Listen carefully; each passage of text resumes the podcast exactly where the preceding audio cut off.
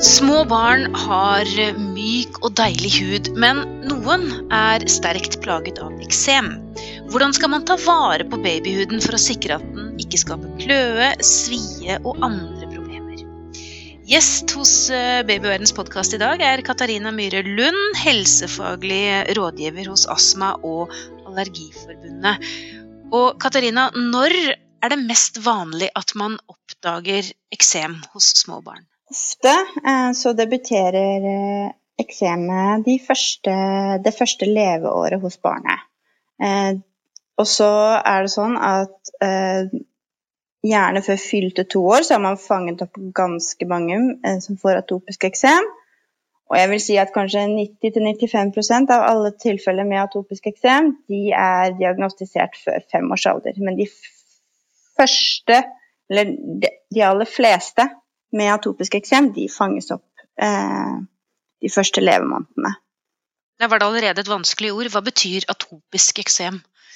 Atopisk eksem eh, det er en kronisk hudsykdom. Det er faktisk først og fremst en hudsykdom. Og det skyldes redusert hudbarriere. Det betyr at huden slipper ut vann og fuktighet, og da trenger den tilførsel av fett og vann for å på en måte bli hel og ikke være så permeable eller gjennomtrengelig da, for ytre, ytre, ting, som f.eks. bakterier, eh, allergener, parfyme, ikke sant? Det blir mer irritabel. Mm. Men hvordan, hvor mange er det som får atopisk eksem? Er det vanlig? Eh, ja, det er veldig vanlig. Hvor mange som får det, det har vi ikke helt gode tall på. Men eh, det er vel sånn 20-30 av eh, spedbarn som har en eller annen form for atopisk eksem, gjerne da i mild variant. Eh, og så graderes det opp eh, etter hvor mye eller hvor utbredt dette eksemet er da på huden. Er det noe spesielt sted på kroppen hvor man ser det mest? Ja, ofte så ser man begynnende eksem i form av tørre, røde flekker, og disse kan klø.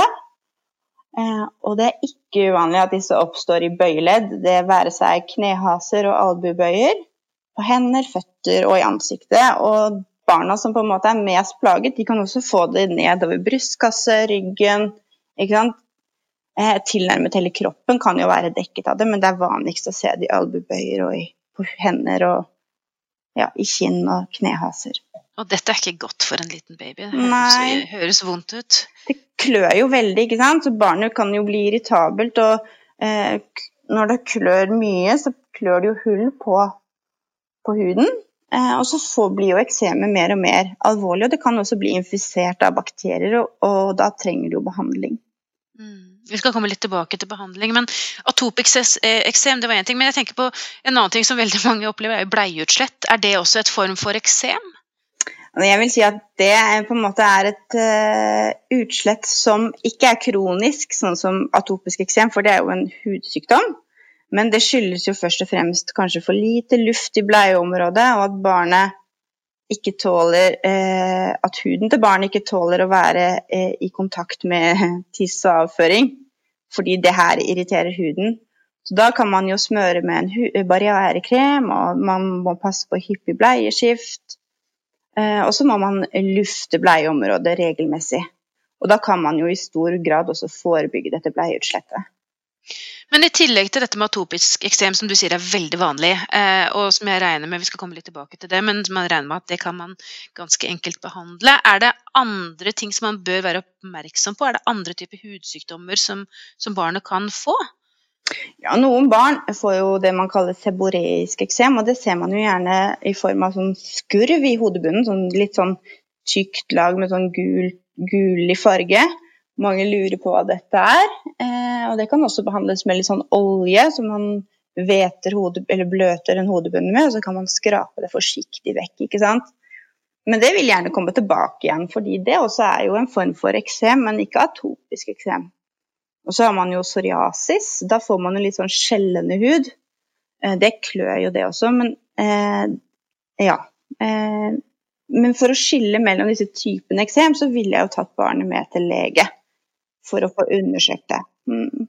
Så hvis man oppdager et eksem, så bør man ta barnet med til lege? Eh, ja, særlig Altså Hvis barnet har noen tørre flekker, tørre røde flekker, og man fint på en måte kan bruke en fuktighetskrem og smøre det så det holder seg stabilt, så tenker jeg at da trenger man ikke gjøre så mye mer. Men barnet går jo sannsynligvis til regelmessige helsekontroller hos helsesøster, eh, og får jo også noen eh, legetimer på helsestasjonen. Og Det går an å ta problemstillingen der og snakke om det. Men hvis det ikke lar seg behandle med bare fuktighetskremer, og det kanskje også blir verre, så bør man absolutt gå til lege. Og Da sa du litt om behandlingen. Er det, er det fuktighet som skal til, og en god krem, eller er det andre behandlingsmetoder? Ja, eh, fuktighetskremer er kanskje det første eh, man prøver seg på. Hvis man har litt sånn lyse rosa, tørre flekker, eh, så kan man prøve å smøre dette ned med fuktighetskremer. Og det kan hende at det ikke lar seg behandle av bare det, og da bør man dra til lege, og så får man kanskje resept på litt milde kortisonkremer som man må bruke i en viss periode for å, for å få det bort. Men hva slags uh, fuktighetskrem skal man velge sånn i den tidlige fasen? Uh, det finnes flere typer. Uh, det bør jo være en fet, god fuktighetskrem, og den bør absolutt være uten parfyme. Det finnes en som heter Canoderm. Den inneholder et stoff som heter karbamid. Og den veldig, veldig, hjelper huden til å holde på fuktigheten. Men hvis barnet har en veldig irritert hud, så kan denne si, og det kan være vondt. Og da kan det hende være lurt å bare bruke en ren, fet krem som ikke inneholder eh, denne karbamiden. Og så er det en annen ting eh, som jeg har lyst til å påpeke. Det er at kremen ikke bør inneholde f.eks. hveteprotein. Hveteprotein? Ja, for noen kremer de inneholder ekstrakter fra mat. Eh, og det er sånn at en eksemhud den eh, tar til seg ting fra omgivelsene. Og hvis barnet har en disposisjon for å reagere allergisk, så er det veldig dumt om den får eh, hveteprotein eller peanøttprotein eller hva det nå skulle være, gjennom huden, når det egentlig er noe som skal tilføres gjennom munnen og ned i tarmen. Så det er kanskje verdt å spørre om på apoteket da, når man skal kjøpe krem? Ja, absolutt spørre på apoteket. En annen ting når jeg tenker på eksem, er jo dette med vaskemidler. Det er det mange som er opptatt av. Og du har brukt ordet flere ganger, dette med parfyme. Hvor viktig er det at ting er uparfymert? Eller altså, produkter er det?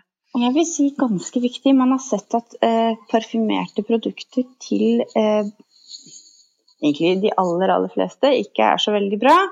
Eh, og i hvert fall ikke for disse barna med eksemhud, eh, som på en måte har denne gjennomtrengelige huden, og som tar inn stoffer som ikke skal være inni kroppen, men som skal være på utsiden av kroppen. Og da kan man jo f.eks. benytte seg av eh, merkeordningen til Astma- som hjelper deg med å velge de riktige produktene for huden din. Fortell om merkeordningen. Hva skal man se etter? Det er en logo som sikkert mange har sett. Nå heter det Nå har vi slått oss sammen med søsterselskapene våre i Danmark og Sverige, så nå heter det Asman Allergy Nordic. Så det heter AAN. Det er en liten logo som er på noen eh, produkter som inneholder eh, Som da eh, kvalifiserer eh, til her, denne logoen fordi den eh, holder seg unna, under terskelnivåer for hva vi kan tillate i produkter. Sånn at det er mer helsevennlig, rett og slett. Og da tenker du produkter både som man vasker klær med, altså rent vaskepulver og flytende vaskemidler og sånt, men også det man bruker på huden av sjampo og såper og kremer og mm. Ja. Det finnes jo både Nøytral har eh, parfymefrie produkter, og så har jo Lano en serie som er uparfymert. Eh, og det finnes flere da, ikke sant, som eh, er mer tilpasset barn. Og etter at barnet f.eks. har badet, og hvis du har brukt såpe i vannet, som da fortrinnsvis bør være uparfymert, så bør man også kanskje smøre barn når det kommer opp fra badekaret, ikke sant, sånn at det ikke tørker ut i huden sin. Mange som, eller små barn har jo mye nye klær og nye tekstiler. Eh, hvor viktig er det å vaske disse før bruk? Jeg vil si veldig viktig, fordi det henger jo igjen stoffer fra produksjonen i, i disse klærne. Eh, og så er det sånn at noen nye vaskemaskiner de har en innstilling som heter ekstra skylling. Så kan du, eh, ved å bruke litt ekstra vann, da, eh, få ut enda mer såpe, og det viser seg å være effektivt eh, og bra. Du får ha mindre såpepartikler igjen hvis du bruker denne funksjonen. Ja, Sier du nå at hvis vi vasker klær på vanlig måte, så vil det sitte igjen noen partikler fra såpen? Ja, sannsynligvis. Du kjenner jo gjerne Det kan jo sitte igjen litt. Eh, og det har større effekt ved å på en måte tilføre litt ekstra vann, eller kjøre en sånn ekstra skylling som mange maskiner har i dag. Vi skal snakke mer med deg, Katarina Myhre Lund, men vi tar en bitte liten pause først. Ja, Temaet i denne episoden eh, av Babyverdens podkast er altså eksem hos små barn. Og vi snakker med Katarina Myhre Lund, som er helsefaglig rådgiver hos eh, Astma- og Allergiforbundet. Og, og, før pausen så snakket vi litt om dette med hvor viktig det er å vaske nye klær og, um, og tekstiler. Er det andre ting rundt oss Katarina, som vi kanskje ikke tenker over, men som vi burde vite om? Eh, som du tenker kan irritere huden til et barn med eksem. Eh, ja, altså vi var inne på dette med klær. Jeg tenker at eh, noen barn de reagerer Altså barn med eksem, de reagerer på ullstoff. og det kan man jo se på som et lite problem her i Norge, hvor man skal kle barna innerst med ull. Men barna med eksem kan slite. Det kan bli ekstra kløe. Og da kan det for noen være lurt å kanskje ha et tynt lag med bambus eh, undertøy under først, og så kan man ta ullet på utsiden. Da får du eh, Ja, for vi hører jo at ja, vi hører jo at ull er det, liksom det mest naturlige. ja, og det er jo kjempenaturlig. Det kommer jo fra sauen, men det kan irritere huden da, ikke sant. Og mm. All type ja, ull? Ja, selv den mykeste. Men altså, jeg vil jo ikke avskrive å prøve. Men eh, hvis man ser at barnet reagerer, så bør man eh, først ta et, et, tynt lag med bambus eh, under før man tar på ullen for å isolere. Og så er det dette med kulde, da. Kulde og fukt i, i utemiljøet. Eh, man ser jo gjerne at et eksem det blusser opp når, eh, når høsten kommer. Da får man fuktigere luft, den blir råere og kaldere. Og da ser man gjerne at barna får sprukne kinn, ikke sant? litt sånn irriterte, sånn ordentlig røde kinn. Eh, og så kan man også se det på hendene. Barn er ikke så veldig glad i å bruke votter når de leker i søledammer og sånn, men de kan få ordentlig hovne, vonde hender når de har vært mye i kontakt med kaldt vann. Hvordan kan man forebygge, da? Hvis man har et eksembarn, hvordan kan man forebygge sånn at plagene blir mildest mulige? Mm, da må man smøre barnet jevnlig. Og da i kinn og i ansikt, så det har vært veldig diskutert dette med bruk av kuldekremer.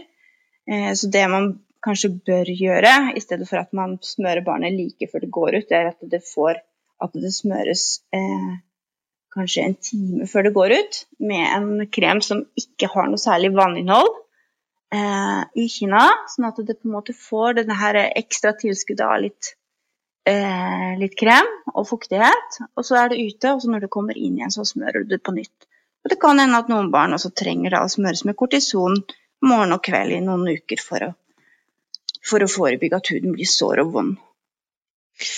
Vi har også laget en podkastepisode om barn og allergi. Er det sånn at eksem henger sammen med allergi? Er det sånn at eksembarn også kan få allergiske reaksjoner? Ja, det kan de, og det er jo ofte det man ser. Man kaller det den atopiske marsjen. Eh, man begynner med eksem i spedbarnsalderen. Og så kan noen barn, eh, de, ofte de med den alvorligste eksemet, de kan få matallergi eller allergi mot pelsdyr og andre sånne inhalasjonsallergier. Og så etter hvert som de, eh, så vokser de gjerne av seg matallergien i førskolealder. Men da, i førskolealderen, så er det ofte slik at eh, pollenallergien eh, tar dem. Sånn at da er det denne de har med seg videre eh, oppover i, i voksenlivet, da. Ja, for Du nevnte dette med å vokse av seg. Hvis, eh, hvis, man har en baby nå som har plager, hvor stor eh, sjanse er det for at de blir kvitt dem når de blir eldre? Det er ganske stor sjanse, faktisk. Eh, eh, det er sånn at Eksem det er noe de gjerne vokser av seg. I hvert fall så bedres det betydelig mellom to og tre år. Og opp i skolealder så er det ikke så veldig mange barn som har det lenger. Eh, og det er veldig få voksne som har atopisk eksem. Men det er gjerne de alvorligste tilfellene ikke sant, som ikke man klarer å få helt friske. Men de vil ofte bli mye bedre. Og så var det noe som du også sa helt i starten av denne episoden, psoriasis og andre hudsykdommer. Er det sånn at de som ikke vokser av seg, at eksemet kan f.eks. For fortsette inn i andre og kanskje mer alvorlige og kroniske hudsykdommer? Det er egentlig ikke sånn at eh, eksem, altså atopisk eksem og psoriasis henger sammen. Eh, men atopisk eksem og allergier som matallergi og pollen- og pelsdyrallergi, det henger eh, mer sammen. Så koblingene her er ikke nødvendigvis helt sånn intuitive. Men, men, for å oppsummere, da, hvis man har en baby som man ser har fått eksem, eh, så, så, er det rett og slett en, en god fuktighetskrem uten parfyme, som er eh, det første man prøver. Ja, og da, da, snakker ikke, da, da, snakker jeg ikke, om et utviklet eksem hvor det er prikkete, rødt, hovent, eh, øh, og man kanskje ser litt sånn sårdannelser. Da snakker jeg om disse tørre, mild, tørre flekkene som eh, Ikke sant? Eh, fordi hvis det har gått over til å bli eh, veldig irritert, kanskje til og med fått litt sånn sårdannelser og sånn, så bør man gå til lege. Fordi da må det sannsynligvis sterkere krutt til for å få behandlet det. Tusen takk for eh, gode råd, Katarina Myhre Lund, som altså er helsefaglig rådgiver hos Astma- og Allergiforbundet. Hvis du lurer på mer om dette temaet, finner du mange artikler på babyverden.no og diskusjoner med andre i Babyverdens forum. Hvis du ikke allerede har lastet ned appen vår, Gravid og barn, så anbefaler jeg deg å gjøre det med en gang, så kan du følge utviklingen til barnet ditt dag for dag og uke for uke. Siden du er opptatt av graviditet og barn, kan det også være lurt å abonnere på Babyverdens podkast, så får du nye episoder automatisk hver uke. Det er også vi som lager podkastserien Gravid uke for uke. Den bør du også få med deg hvis du har barn i magen. Har du kommentarer eller et tema du ønsker at vi skal belyse, så kan du sende en e-post til podkast at babyverden.no. Men husk at vi som lager denne podkasten er journalister og ikke helsepersonell. Så hvis du har medisinske spørsmål, må du ta kontakt med jordmor eller fastlegen din. Ha det godt til vi høres igjen.